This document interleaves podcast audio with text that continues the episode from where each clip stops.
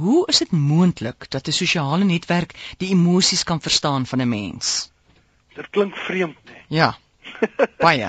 maar weet jy, dit is waar en dit is moontlik. Hoe? Daar's 'n baie uh, uh, oulike netwerk wat mos deur Google begin is uh, vir die werkplek, 'n sosiale netwerk en sy naam is Jammer. Jy spel hom met 'n y, 'n uh, lang y soos ons sal sê.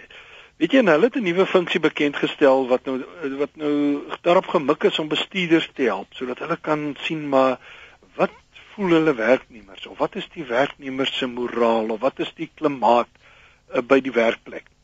En hierdie funksie wat kruin uh, genoem word, werk soos 'n soort emosionele waarnemingsstelsel. Hy analiseer die boodskappe uh, wat werknemers op die die Jammer netwerk plaas en dan sê hy vir jou maar dit is die oorheersende gevoelens of emosies hmm. op hierdie tyd. En die bestuurders kan dan sien wat is die onderwerpe op die oomblik? Wat is dit wat in die mense se harte leef?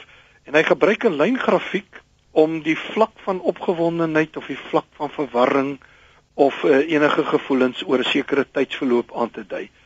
En dit is interessant dat hulle sê die programmatuur kan 80 verskillende emosies identifiseer. Maar om ons nou nie de mekaar te maak nie, vertoon hy net die 15 belangrikste emosies. Ekskuus gou. Weet jy, dalk het ek nou iets gemis, maar Louis, hoe hoe gebeur dit? Jammer, ek weet nou nog nie hoe nie. kyk, kyk wat hy doen is uh hoe hoe hy werk, die program is. Hy hy gaan kyk na die woorde en die ah, ja. frases wat ons ehm um, wat Goed. ons gebruik. Dit is dit is wat hy dis wat hy doen. En dit is natuurlik nou uh hy steun baie swaar op 'n projek wat hierdie die maatskappy wat Kruin gemaak het, se naam is Kan jou ja. En hulle hulle het 'n projek gehad. Mense kan gerus daarna gaan kyk. Experience Project, sy word hy genoem. En jy kyk sommer by www.experienceproject.com. En dit is 'n 'n webwerf waar die gebruikers nou uh, soos jy, jy kan self en jy sal sommer sien hy loop aan die regterkant daar loop al die hmm. goed. Mense stort hulle emosies en belydenisse daaruit. Ek was dit skone hartseer geraak toe ek na die goed uh, sit te kyk. Maar daar's 19 miljoen. Hy tel so in die booste regterhoek tel hy vir jou die goed af.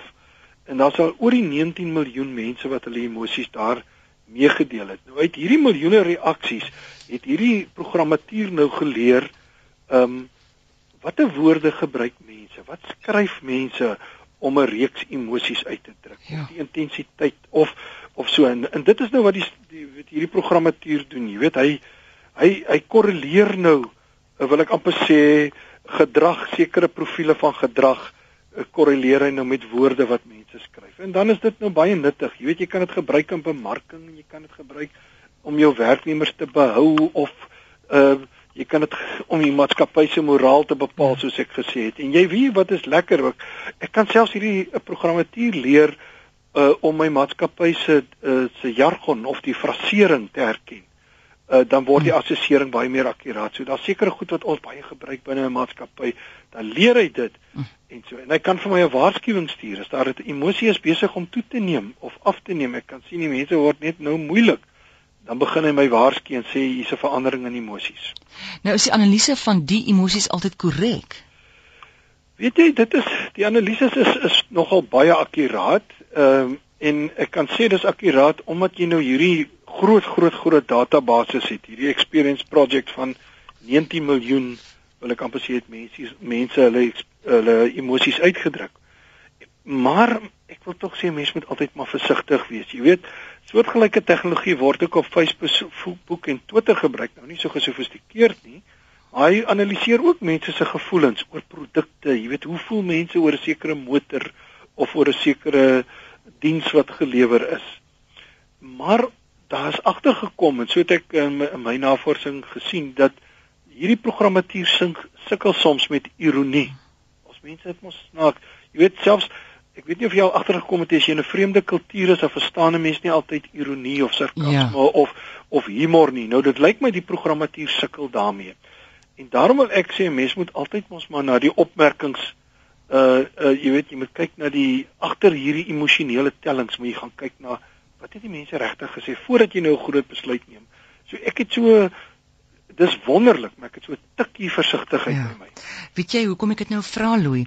Ek lees die afgelope week 'n artikel in die Time faktydskrif dat meer mense is meer Amerikaners is dood in die Afghanistan oorlog deur selfmoord te pleeg as wat hulle deur oorlogvoering dood is.